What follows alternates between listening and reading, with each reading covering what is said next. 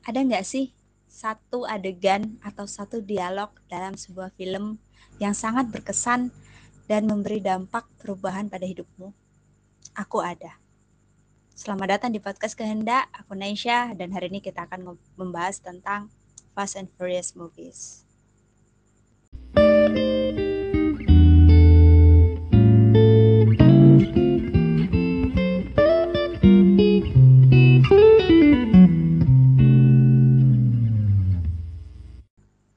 Jadi ada satu film seri yang aku suka banget, yaitu judulnya adalah Fast and Furious. Film ini pertama kali dirilis tahun 2001. Dan sekarang film ini sudah mencapai film yang ke-9, dirilis tahun 2021. Gitu. Nah, film ini menceritakan tentang balap liar, balap mobil liar sebenarnya. Dan mereka tuh jago banget nyetirnya, bahkan yang cewek-ceweknya juga uh, film ini diawali dengan tiga orang pemain utama. Pertama Dominic Toretto, seorang pembalap liar, adiknya Mia, dan seorang polisi bernama Brian. Belakangan si Brian ini jatuh cinta ke Mia, si adik Dominic. Ya, kisru-kisru lah, konflik-konflik, akhirnya endingnya si Brian ini bergabung ke timnya Dominic, keluar dari kepolisian. Itu intinya.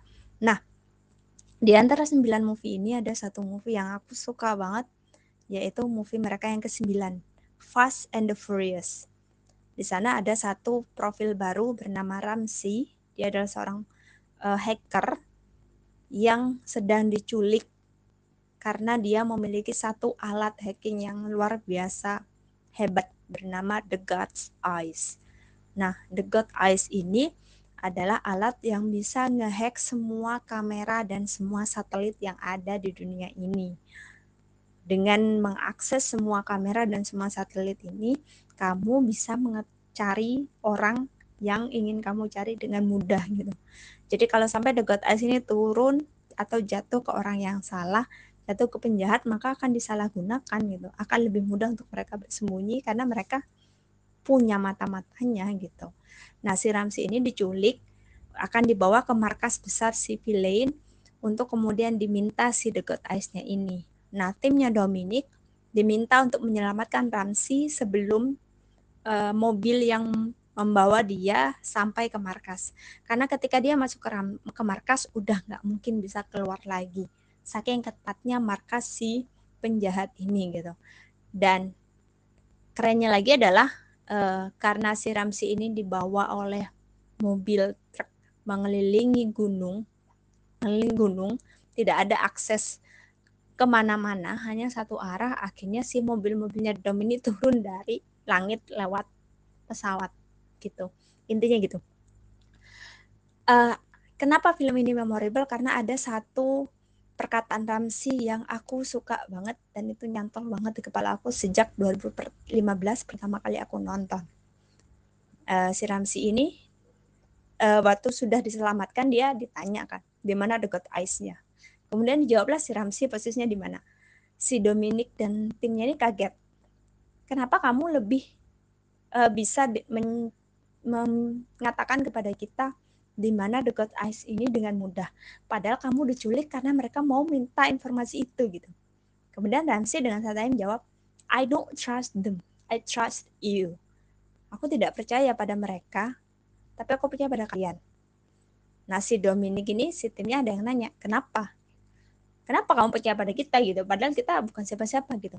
Tidak mungkin, uh, tidak seharusnya Ramsey itu mempercayai mereka hanya karena telah diselamatkan gitu. Kayak itu nggak cukup. Kemudian si Ramsey ini jawab dengan logat Britishnya, kebetulan British ya Ramsey di sini, hanya ada satu hal yang membuat grup seperti ini bertahan bersama. Ketakutan atau kesetiaan.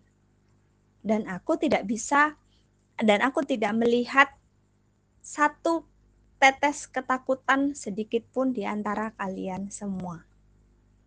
Itu kalimat itu nyantol banget di otak aku sampai sekarang.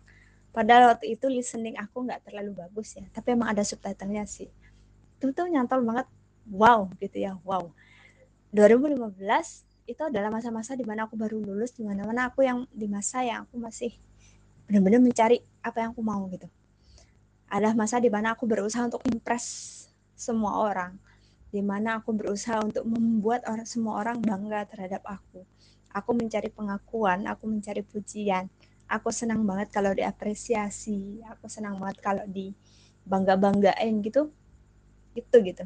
Aku kayak berusaha membangun membangun orang-orang yang setia kepada aku gitu. Tapi aku sadar akhirnya. Kayak aku pelan-pelan ditinggalkan beberapa orang. Pelan-pelan aku kehilangan beberapa teman sampai sekarang teman aku paling gak banyak gitu loh. Bahkan gak sampai 10 mungkin yang benar-benar deket close gitu nggak sampai gitu.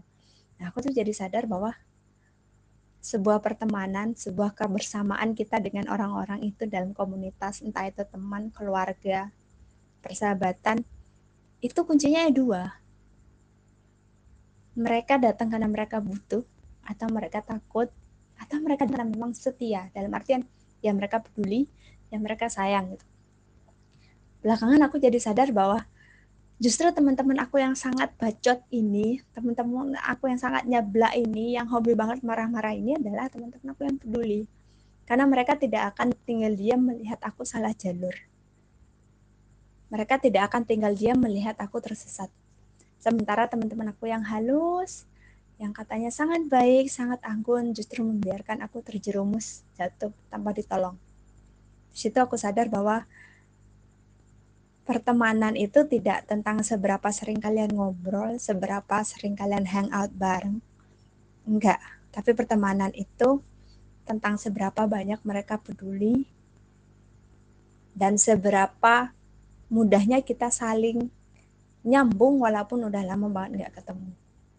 Aku punya temen yang kalau ketemu dia itu paling setahun sekali.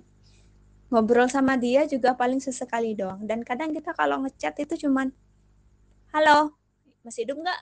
Oke, ya udah, masih hidup kok, ya udah. That's it, tuh. Eh, selamat ulang tahun ya. Tambah tua lo, jangan nakal. Kasih, udah, selesai gitu.